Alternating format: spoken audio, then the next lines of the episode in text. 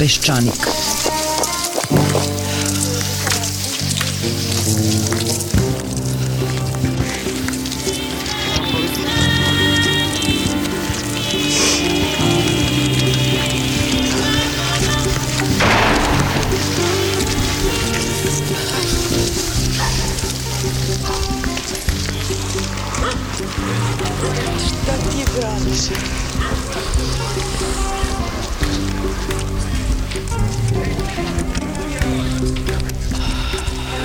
Peščanik.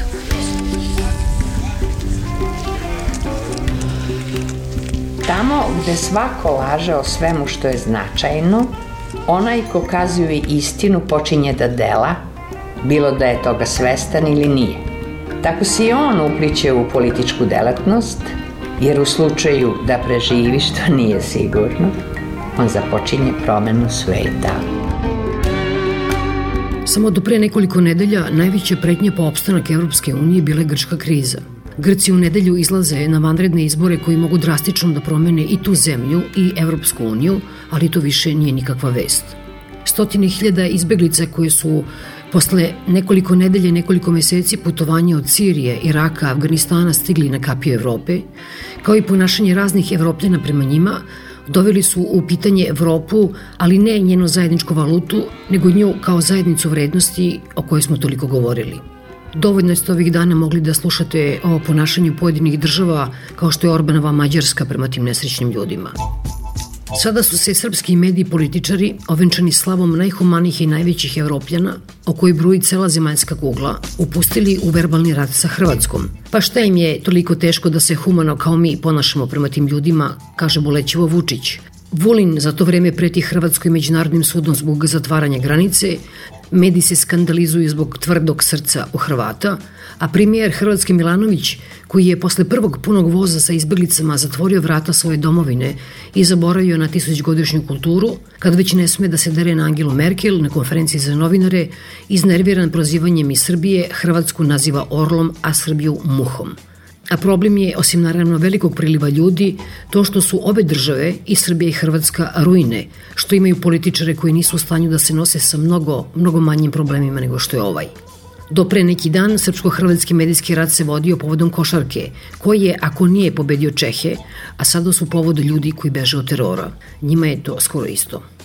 Dok je predsednik vlade u Americi, odakle nam šalje pozdrave cele američke administracije koja je očarana na našim uspesima, dotle predsednik države radi na povećanju nataliteta. A tu stvar treba ubrzati jer ovi nehrišćani nadiru u velikom broju.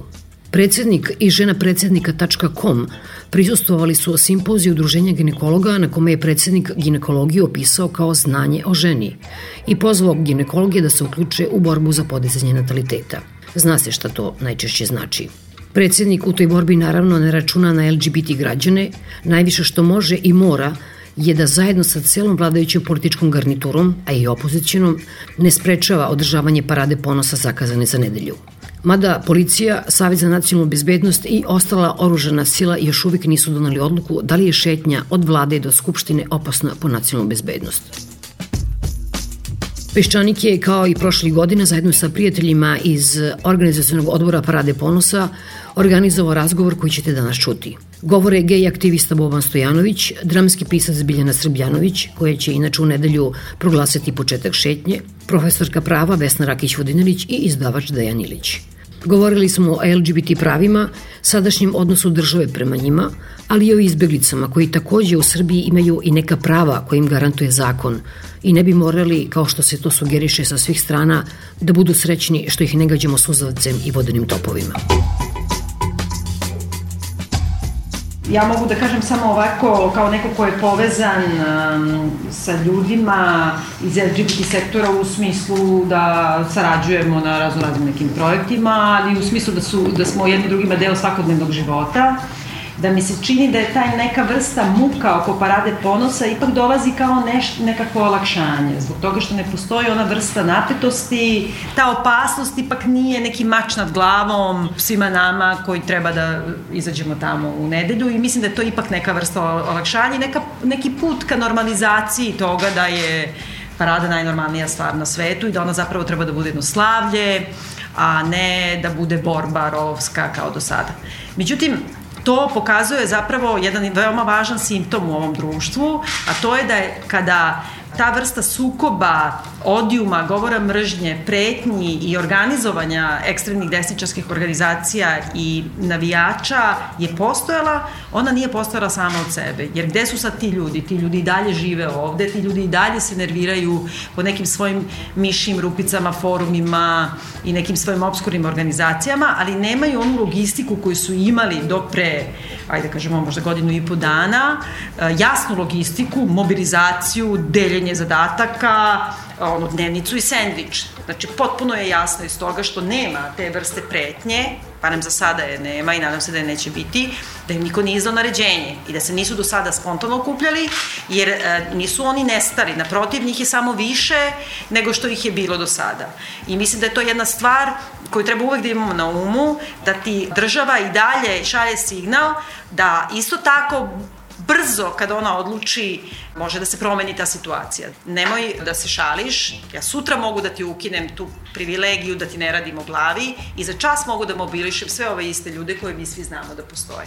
Postoji još jedan od ozgore kao kišobran, a to je da se LGBT organizacije sada koriste u tabloidima za obračunavanje uopšte sa nevladinim sektorom. Pa sad više nije ni pitanje gađanja pod tom folkloru kao ono seksualni čin između ljudi, kao da je LGBT pravo jedino se svodi na seksualni odnos i ni na šta drugo.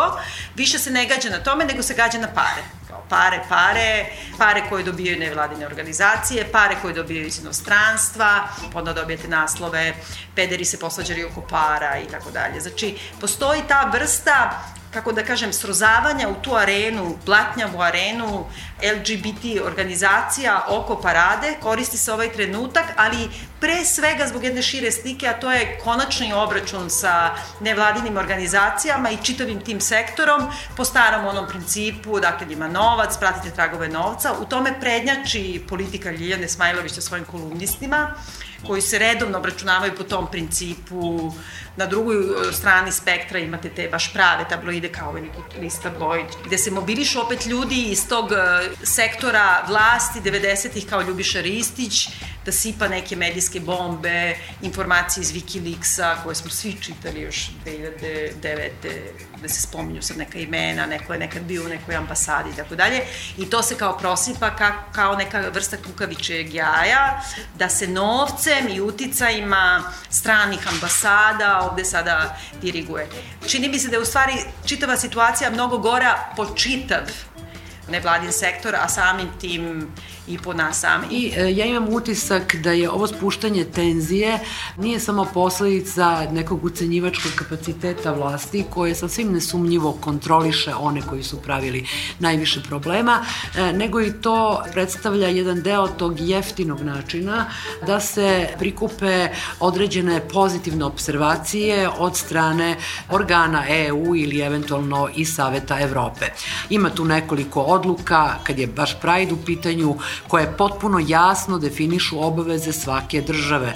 Tu je stvar potpuno jasna i tu vlast nema onu široku marginu kao što ima kada su u pitanju ekonomska i socijalna prava, gde je Evropski sud za ljudska prava i gde su, je konvencija takođe mnogo uzdržanija. Dakle, postoji jedan tvrd pravni okvir i taj tvrd pravni okvir u ovom trenutku našoj vlasti nekako nije skupo da poštuje, tim pre što ima mehanizme da spreči one koji bi proizvodili nasilje.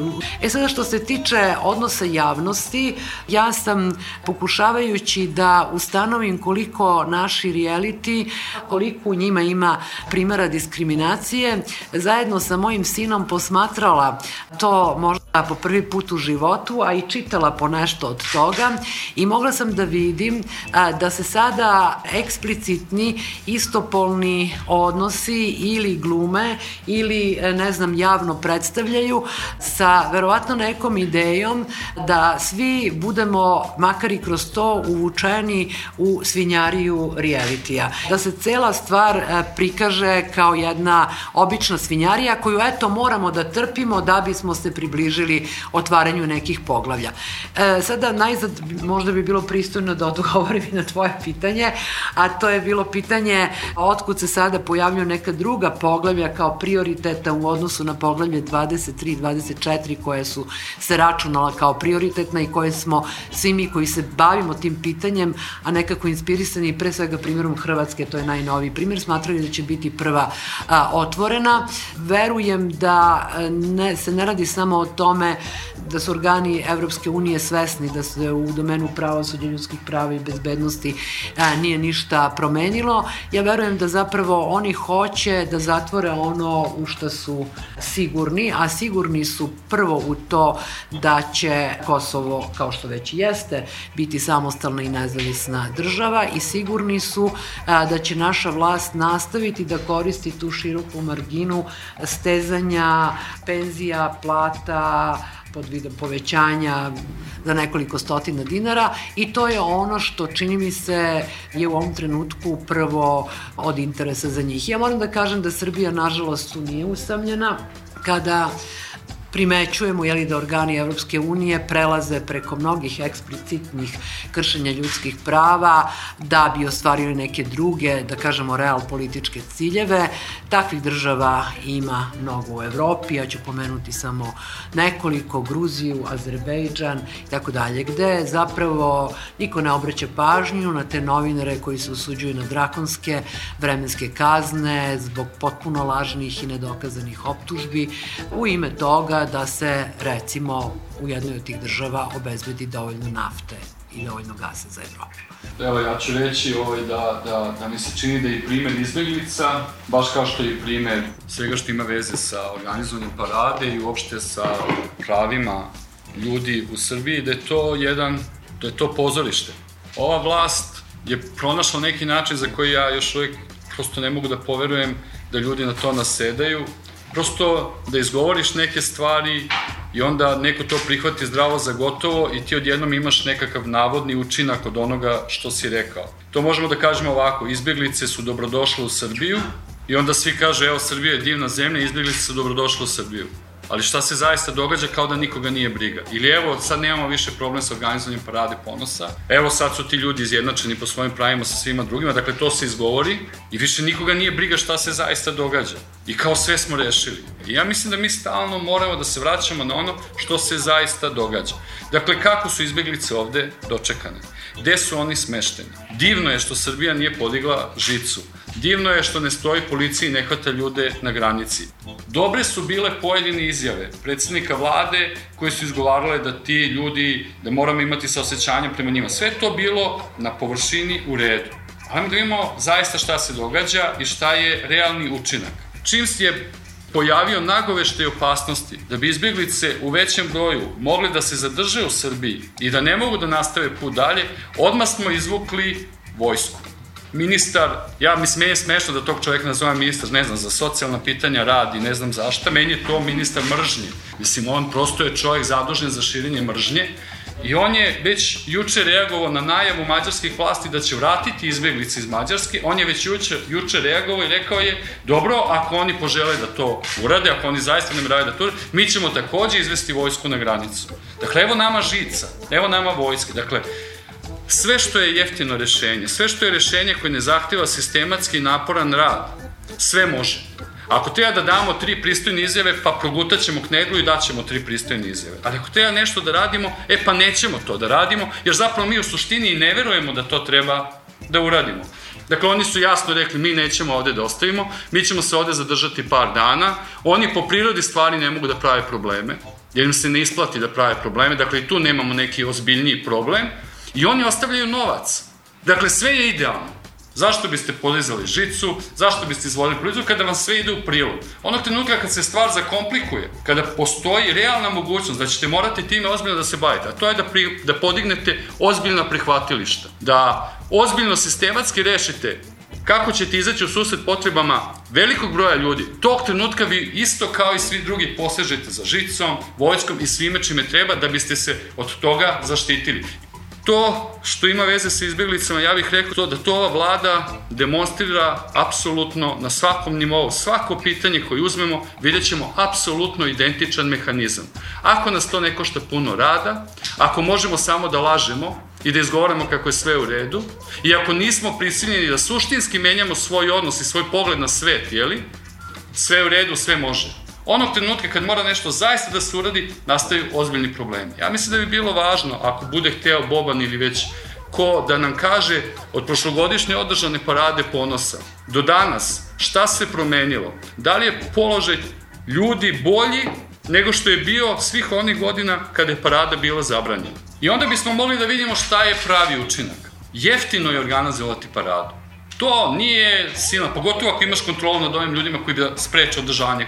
Znači, prosto kažeš, ajde sad se smirite, nemojte praviti nerede, ovo moramo da uradimo.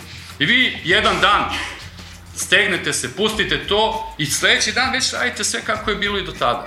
I sad bi bilo jako važno, ja prosto evo, pitali smo šta se promenilo, oni kažu da je njihova fizička zaštita bolja nego što je bila ranije, ali što se tiče svih ostalih segmenta života, zapravo stvari stoje isto kao što su i stajale. Mislim da je ovo mnogo važno pitanje, šta, zato što su s jedne strane LGBT zajednica je ugrožena i fizički, i to ne samo od nasilja, nego i zbog toga što postoji strašna diskriminacija pri zapošljavanju, na primer, pri iznajmljivanju stanova, ulazaka u studentske domove i tako dalje, govorimo o ovim mlađim, no ne govorimo o starijim, da se istopolne zajednice, stariji građana, penzionera, ni na koji način nisu validni invalidne, pa kad jedan umre, drugi nema nikakva prava na imovinu čoveka sa kojim je proveo, na primjer, 30 godina života i toga smo e, svedoci. Znači, to je jedna ogromna korpus pitanja koje pro, prosto nije ni začeprkana ni taknuta. Ali, s druge strane, treba i reći istinu, a to je da je parada sama po sebi ima ritualni karakter. I ona sama po sebi ne rešava ništa. Ona je jedna vrsta, kako kažem, magijskog procesa. Kod parade je bitan taj moment katarze, taj kohezioni faktor između ljudi koji su došli tu i to je kao kad izađeš sa neke dobre predstave, onda oko loše ti možeš da kažeš hiljadu i jedan razlog zbog čega ti se nije dopala. Oko dobre ti izađeš i, i ovako si i samo znaš da je to dobro, ali potrebno ti je mnogo, mnogo više napora da objasniš zašto je taj, e pa to je taj trenutak koji mislim da svi osjećaju nakon same porade, pogotovo kad je ona uspela. I mislim da se to tako nekako kao radijacija širi se i kao ubija te maligne ćelije, mržnje i homofobije okolo i nekako mislim da zahvaljujući paradi više neće da ti se desi da te ono pesniči neko ako izgledaš kao karikaturalna slika gej mladića, ali s druge strane bih samo htela da kažem Vesni oko samih e, prikazivanja homoseksualnih odnosa u realitima, to je pornizacija homoseksualizma, zbog toga što je lezbijski odnos klasičan podžanr porno filma i to je čak i neka vrsta ono fetiša muškaraca da imaju girl on girl action i to je nešto što se potpuno podrazumeva. Volela bi da vidim sada neku vrstu homoseksualnog odnosa između dva muškarca u reality programu na bilo koji način, poljubac filmski s jezikom. Mislim da bi bili umlačeni i od samih kamermana tamo, pa, pa nadalje. To je bilo ono što sam ja hteo da kažem, bez obzira što je parada bila dozvoljena, ja mislim da ta radijacija koja je trebala da uništi te maligne ćelije, da ona nije delovala. Moja poenta je zapravo bila sledeća. Mi smo sve vreme se bavili tim pitanjem kako da se održi parada i šta je put da se održi parada. I prošli put kad smo razgovarali, mi smo davali nekakve savete I meni se čini da smo mi prošli put, ja, evo sad ću govoriti o svoje ime i ono što sam ja rekao, da smo pogrešili. Pogrešili smo zato što smo verovali da razumnim postupcima možemo da dovedemo do rezultata koji će biti sa nekakvog racionalnog stanovišta prihvatljivi. Čini mi se da ne živimo više u društvu gde je razum merilo delovanja ili vodič za delovanje. I kao što sam ispričao ovo izbjeglicama, imam još nekoliko primjera da pokažem da zapravo mi više ne možemo razumno da delujemo u ovom društvu, jer je javni prostor i politička scena su napravljeni tako da razum više nije kvalitet, a pogotovo ne da nije orijentir. Vi imate sada najave za nove izbore. One kažu, one će na izbore izaći kao najbolja vlada ikada u istoriji Srbije, ali će takođe na izbore izaći i kao opozicija mi smo najbolja vlada, imamo najbolje rezultate ikada, ali moramo da idemo na izbore da bismo se oslobodili loših ministara u vladu. I onda su oni i vlast i opozicija. Vi kažete vi ste lopovi, oni kažu mi smo lopovi. Ali u sledećoj rečenici oni takođe kažu mi smo najpošteniji. I, on, i vi nemate, ni, oni nemaju nikakav problem s tim, a vama je oduzeto, jer vi niste više, vi niste više onaj ko kritikuje, jer oni sami sebe kritikuju. Oni kažu, vi nas kritikujete, ali mi smo sami svoji najbolji kritičari. Dakle, šta ćete nam vi? Dakle, vama oni na jedan vrlo smišljen način oduzimaju prostor da uđete, uopšte da nešto izgovorite i da pošaljete poruku koja ima nekog efekta. Dakle, to je vlast opozicija, nije opozicija slaba u Srbiji, nego je vlast preuzela na sebe ulogu i vlasti i opozicije. I pomirenje, sećate se šta je bilo sa Srebrenicom, pa onda sa jeli, obeležavanjem oluje. Mi nudimo pomirenje, a onda ide sledeća rečenica, jer smo mi politički najpromišljeniji i jedino mi imamo pravog državnika. Istovremeno šaljete poruku, vi ste zaslužili sve što vam se dogodilo jer ste lošiji od nas. Od, odmah su vam pokrili ceo prostor. Poslednji koji je meni najzanimljiviji primer su strani plaćenici. Ja sam onda pitao ko je najveći strani plaćenik u Srbiji? Pa predsednik vlade. Kad on kaže, Angela Merkel je rekla to i to, to su Nemci, oni drže svoju reč, kad oni nešto kažu tako će biti, to su ljudi od reči, to su čestiti ljudi, sve ostalo, to je sve super. Kad ja kažem, možda bismo mogli da se obratimo nekom na zapadu, da nešto nama pomogne ovde, nama se kaže to su ljudi koji su nas bombardovali. Kako predsednik vlade može da bude strani plaćenik, a ja ne mogu? Koja je razlika između mene i njega? Diskriminacija. Tako je. Ako već oni nisu racionalni, treba nekako mi da budemo Tako što je. je moguće više racionalni. E, ja se je... vraćam sada na problem sa izbeglicama. A, jeste, sve je to lepo i krasno, pokazali smo nasmešeno lice. Ja mislim da je velika stvar što nisu bildovani nacionalistički mišići kao što je to učinjeno u ovaj, mnogim drugim znači da zemljama. Da, naravno, u ovom trenutku, ajde da kažemo, nisu i to je za Srbiju veliko dostignuće. Ali, To je dostignuće, tako da kažem, na nekom nivou nas, a ne na nivou izbeglica. A šta je država uradila za te ljude? Ko sa tim ljudima komunicira? Šta je Srbija kao država ovde uradila? Kao država ona se lepo nasmejala i podelila nekoliko paketića.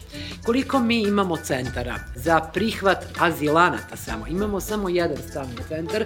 U tom zakonu o azilu postoji neki član 36, to je član koji se bavi privremenom zaštitom izbeglica u slučaju kada veliki broj izbeglica, a to je sada slučaj, dođe u jednu zemlju i ne može se primenjivati redovni postupak tranzita i azila. Tada vlada, po tom zakonu, vlada Republike Srbije treba da donese mere privremene zaštite. O tim merama privremene zaštite, naravno, vlada se uopšte nije izjasnila. To je jedan posao koji ona mogla obaviti na osnovu toga zakona na jednoj sednici vlade bez neke naročite pripreme. Dakle, čak ni to nije uradila. Ko se bavi ljudima koji su tražioci azila ili koji su izbeglice u tranzitu kroz Srbiju? Bave se nekolike nevladine organizacije, mislim da tu treba i da se pomene posebno koje, To je Centar za zaštitu tražilaca azila, to je Beogradski centar za ljudska prava, to je grupa 484. Bave se građani u raznim centrima u kojima se izbjeglice nalaze i zaista se bave na jedan, da kažem, pristojen način. Dakle, bavi se ono što se zove nevladin sektor i ono što se zove civilno društvo. Ono gde država mora da se pojavi jeste slučaj kada te izbjeglice budu vraćene iz Mađarske ili budu ostavljene zahvaljujući Vulinu na toj ničiji najbogatijoj zemlji između Mađarske i Srbije, e to je nešto što ne može da zameni ni jedna nevladina organizacija. Privremene mere za zaštitu izbjeglica ne može da donese ni jedna nevladina organizacija. Tako da odgovor racionalan na sva ta zbunjujuća, tako da kažem, zbunjujuće ograde, pitanja, mi smo dobri, mi nismo, jeste šta ste uradili. Zašto niste primenili član 36 zakona o azilu koji je naše pravo? Zbog čega ga niste primenili? Šta vam je u tome smetalo? Ja mogu da naslutim šta im u tome smeta, jer ta primjena toga člana obezbeđuje određena prava za izbeglice, dakle to više nije milosrđe, to je njihovo pravo i naravno onda i određene obaveze države prema tome. sad je Boban tu pa kao, ja sam rekao, mene to jako zanimalo, mi možemo da nagađamo, ali ti se siguran sam da, da znaš bolje, makar od mene, Šta se promenilo ovih godinu dana? Dakle, ranije je bio problem da se održi parada ponosa, Moja teza je bila da je bilo njima jeftino da održe prošle prave ponosa, ali da se suštinski možda ništa nije promenilo ovih godinu dana i da je pozicija ista kao i onih godina kada parada nije održavana. Nekako da, da se stvar menja, ja bih sad ovde seo u 12 i ne bi bilo hiljadu poziva, da li imamo dozvole, da li nemamo dozvole, šta to znači, da li ćemo bacati nešto na spomenik onom ruskom caru ili nećemo kad idemo kroz kralja Milana, to je sad glavno pitanje i glavni bezbe... Kako to u policiji vole da kažu bezbedonosno zanimljivo. Ne znam šta se suštinski menja, ja bih se samo referisao u odnosu na tvoje pitanje na taj moment 28. septembra prošle godine, kada smo mi smislili kao šta ćemo da uzvikujemo i koje parole ćemo da govorimo i poneli dva megafona, jedan kupili tamo kod Kineza i tako dalje nekoliko dana pre toga i nijedan nismo iskoristili jer je to odsustvo nasilja bilo zaprepašćuće. Ne zato što nije bilo nasilja, to je super i cool, već za, zbog te činjenice koju ti intuitivno znaš god, godinama, to je da se to rešava telefonom. I tu je sad to moje glavno pitanje i naše pitanje gde se to akumulira, ko time upravlja i od čega zapravo zavisi svaki moj dan, svaki naš dan. I zato smo mi govorili kada smo sumirali da li ta parada ima neki rezultat uopšte, da je jedan zapravo od glavnih rezultata, ako to može tako da se nazove, činjenica da ta vrsta nasilja uvek državno kontrolisana. Ono što, na što smo mi navikli je da, dakle, nekako kad se referišemo na državne institucije, to je sve super, sastanak može, zakon može, šta treba, dajte da rešimo, a onda to ništa ne živi. Tvrdim odgovorno da naše institucije imaju 0,6 promila kulture ljudskih prava unutar jeli, sebe i to je kad vas, na primjer, neko ko je važan, ministar pozove i kaže da te pitam, kaže to transseksualci, to je kad im ono seku polne organe i sad kao... Da, kao, pa ja kažem, pa da, kao, približno jedno. Mislim, eto, to je taj nivo znanja koji postoji u institucijama. Mislim, mi smo imali to i 2010. sa onim nesrećnim Čiplićem. Dakle, mi pričamo i on čovjek govori LGBT, LGBT, LGBT. Onda nas pita, kaže, šta to tačno znači LGBT? Ali to tako nekako funkcioniše kod nas, očigledno je da su vrata institucija otvorene i sad je taj jedan ogroman zahvat kako to ispuniti sadržajem i od koga se zapravo taj sadržaj traži. Mi uvek sa ovim agencijama radimo to istraživanje neposredno pred sam Pride. Prošle godine je 10% ljudi u Srbiji reklo da zna neko ko je gej i lezbijka lično, ove godine je to 18%. Znači ima to nekog smisla i zašto je to važno? Jer je poznavanje nas, finih ljudi, ove, uvek u toj nekoj korelaciji sa povećanjem tolerancije, smanjenjem nasilja. Gay Straight Alliance je radila svoj godišnji izveštaj u odnosu na 2013. 2014. ima manje e, slučajeva prijavljenog fizičkog nasilja. Ono što je za njih tipično je da policija, da kažem, relativno dobro radi svoj posao, ali pravosuđe i tužilaštvo to je...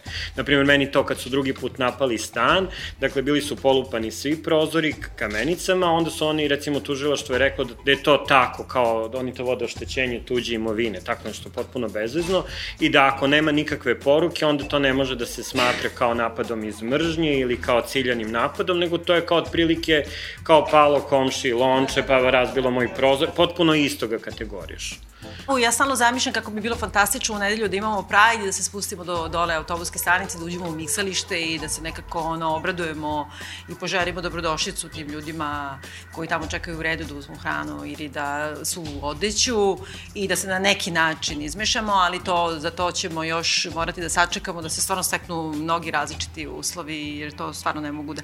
Ali mislim da je to potpuno jedno isto pitanje, a to je pitanje ne samo diskriminacije manjina, nego pružiti ruku čoveku u problemu.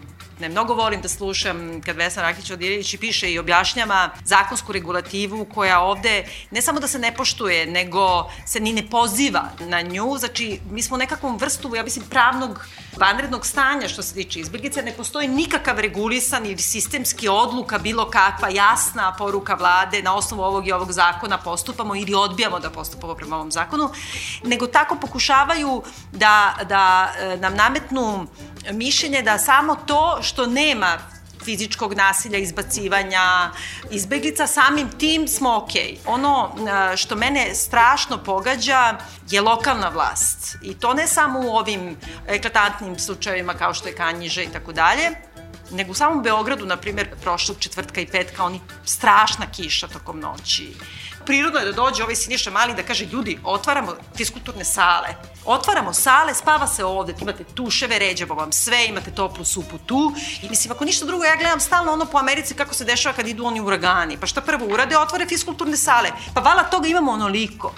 I ono što je meni posebno me pogađa, da postoji taj neki ovde već nametnuti prihvaćen diskurs, to Evropa od nas traži, daj da mi njih zadovoljimo.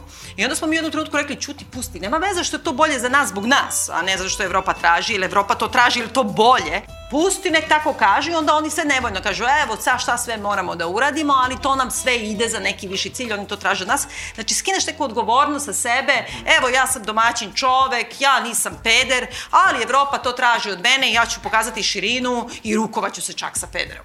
To u stvari mi vidimo od vlasti. Međutim, ono što sada Evropa radi, pogotovo ove noviji talas pridruženih evropskih zemalja, to je tako strašna jedna poruka, tako jedna neljudska poruka da mislim da je u ovom trenutku Evropa u najozbiljnijoj krizi, kad Evropa mislim Evropska unija, od kad postoji. Znači ne postoji ništa od onoga na čemu se zasnovala ta skupina zemalja. To nisu sad samo banalna ljudska prava.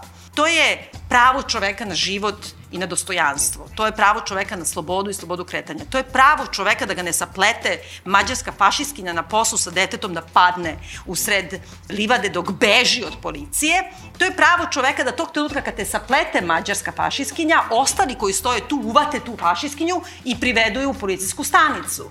E toga svega nema. I onda mi sa druge strane se zadovoljavamo time što kod nas ima ne znam, fini policajac eh, Rafik, zaboravim se kako se preziva, iz, iz Preševa, koji zagrani dete i uteši ga. I on njima kaže, ja to radim svaki dan, šta je bre vama? Drugim rečima, Rafik je normalan, on je normalan. Ali to ne znači da smo mi svi normalni. Znači, mi se sada dičimo i ne samo mi, nego kao izašlo je na BBC-u da srpski policajac miluje uplakano dete. Wow! A što je najgore, nećeš da vidiš engleskog policajca da, da miluje arapsko uplakano dete, jer on to ne radi. I to je ono što je sada strašan problem, da smo mi suočeni sa našim okruženjem, koja je do juče barem bio nekakva vrsta izgovora, oni to hoće, daj da ih zadovoljimo, koji rade potpuno neljudske stvari prema izbeglicama i to će nama vrlo lako biti dobar izgovor da mi radimo istu stvar.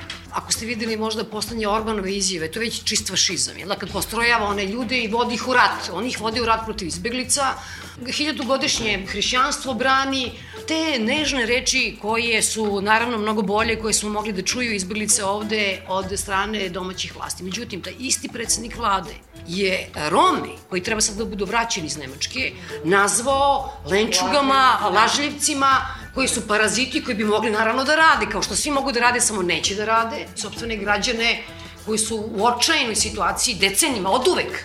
Njima ne treba rat, oni su stalno u ratu, A da ne govorim sada o podacima koliko im je kratak životni vek. Ja mislim da je zapravo ono sa čim je Dejan počeo tu odlučujuća stvari, da je on tu u pravu.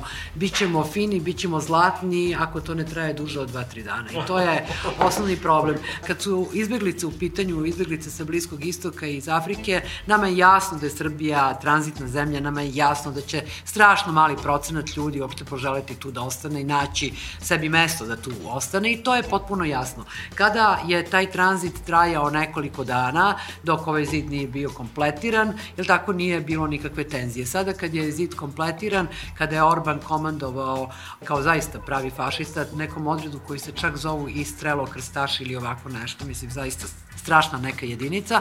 Sada se naravno postavlja pitanje kakva će biti reakcija vlasti. Da li će to biti reakcija Vulin ili, ajde, uvek čovjek možda se nada biti neka malo pristojnija reakcija. I upravo tome i leži odgovor na pitanje zbog čega taj isti premijer koji ide tamo, smeška se azilantima u parku, pa u parku, a ne razmišlja uopšte o tome zašto su oni u parku, ili i deli te paketiće, zašto on naziva uglavnom Rome lažnim azilantima. I ne samo to, nego preti da će im biti oduzeta socijalna pomoć ako se ustanovi da su u, u Nemačkoj tražili azil pa su bili odbijeni. Oni su državljani Republike Srbije. Njima socijalna pomoć kao državljanima Republike Srbije ne sme i ne može ni po kom osnovu, pogotovo ne po jednom takvom osnovu biti uskraćena. I to njemu mora otvoreno da se kaže, čoveče, nemoj da kršiš zakone države čiji si premijer. To ne smeš da kažeš, a nek moli da uradiš. Jedini ljudi koji imaju šansu da dobiju azil, a državljani su Srbi u prekomorskim zemljama, tu su ljudi koji su proganjeni zbog svog deklarisanog LGBT opredeljenja. I to je još uvek tako. Srbija se u tom pogledu ne smatra sigurnom zemljom.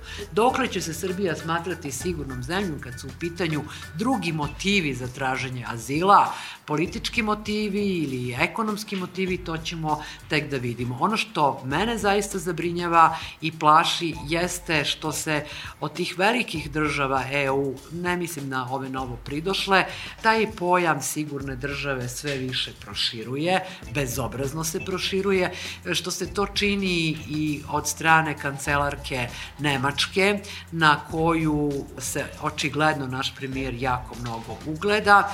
I ta celokupna priča koja je nama započela pre nekoliko godina i bivala nam smešna o protestantskoj moralu i radnoj etici, može naravno da se izrodi i u nešto drugo, zato što ta hvale vredna protestantska radna etika, nažalost, ima i drugu stranu i ta druga strana nije bila tako davno.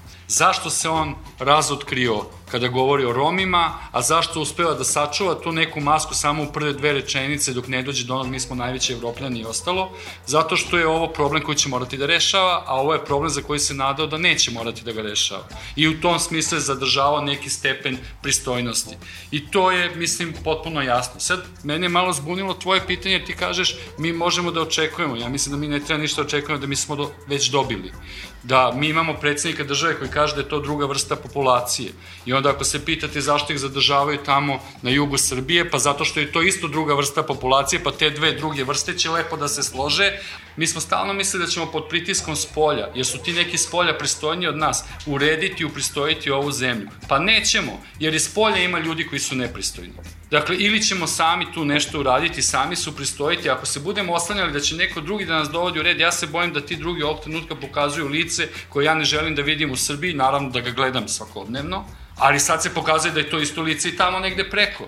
Dakle, ostavljeni smo ovde, kao što i treba, kao što je to red, da sami uređujemo zajednicu u kojoj živimo. Ono što se ja bojim u ovom širem narativu, a vezano za kontingente izbeglica, Kao što je Biljana rekla, sad je super, još uvek prolazi park, ide zima i ti ljudi će nam doći na naplatu, a to će značiti sala za fiskulturu, a to će značiti gde će moje dete da vežba. I ja se bojim da, da kada to dođe na naplatu, stavljam pod znake navodnika, kada ti nesrećni ljudi jeli, nešto počnu da nas koštaju prostora, vremena, ćebeta i tako dalje, da će ovo mi smo super, a ja mislim da ovo mi smo super nije zato što smo mi realno super, nego zato što možemo da nađemo neko ko je malo veći skot od nas, Ono čega se ja bojim i tu vidim moju obavezu i obavezu ljudi koji se bave ovim čime se ja bavim je da ne dozvolimo da Pride opere mržnju prema izbeglicama u decembru. Ja mislim, mislim da sve manjine, a posebno mi koji smo sad u centru pažnje moramo da zauzmemo stav. Jer će biti, mi smo dobri, imali smo Pride, pa dobro to pojedinačni slučajevi prebijanja izbeglica i tako dalje i tako dalje. Zato što to jeste praksa u nekim evropskim zemljama se zapravo pokazalo tamo gde je gej zajednica i to LGBT gde su bili problematični dolaskom novog fenomena islamofobije mi smo postali drugari sad kao hajte vi pederi sa nama protiv muslimana Bio je ovo još jedan peščanik, govorili su Boban Stojanović, Vesna Rakić-Vodinarić, Biljana Srbljanović i Dejan Ilić. Pozdravljaju vas Svetlana Muković i Svetlana Lukić. Peščanik –